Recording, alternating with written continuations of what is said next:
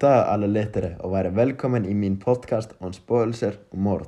I dagens avsnitt fick jag en politmanten Julius att tala om vad icke på loftet. Tack för att du inviterade mig. Detta spörsmål har vakt stor uppmärksamhet i medierna efter flera månaders efterforskning av politet icke. Vad är er skett? Julius, kan du fortala mig lite om vad är det skedde med familjen och stället? Vart det var per färje? Eh, ja, det var en familj på tre. Uh, mor, far och son. De lejde ett litet sommarhus vid havet. Och kan du fortala oss lite om for, din försvinnen och teorier? Ja, självföljd. Uh, det var Tolle. De ringde till polisen och fortalte att familjen var väck. Uh, han for, fortalte polisen att familjen skulle betala nålen. Uh, men hon kom aldrig. Uh, efter ett par timmar beslutade uh, han att ta hem och inspicera dem. Och vad fann han?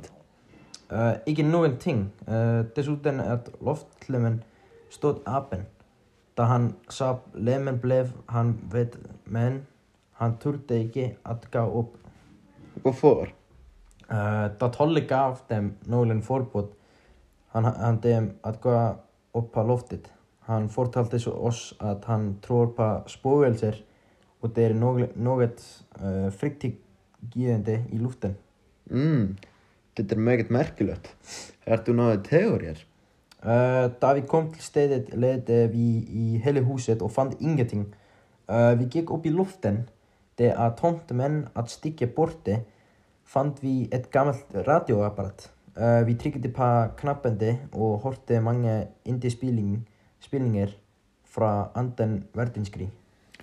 Tror du det har något att göra med familjen försvinnen? Syns du Tolle har rätt? Tror du att spökelser tog dem? Nei, slett ikke. Uh, jeg tror ikke på spøkelser. Men vad tror du skedde där? Uh, vi betrakter uh, det som mest sannsynlig at de tre er druknede i havet. Wow, det är skrämmande. Jag tror det är nog för idag. Tack för oss.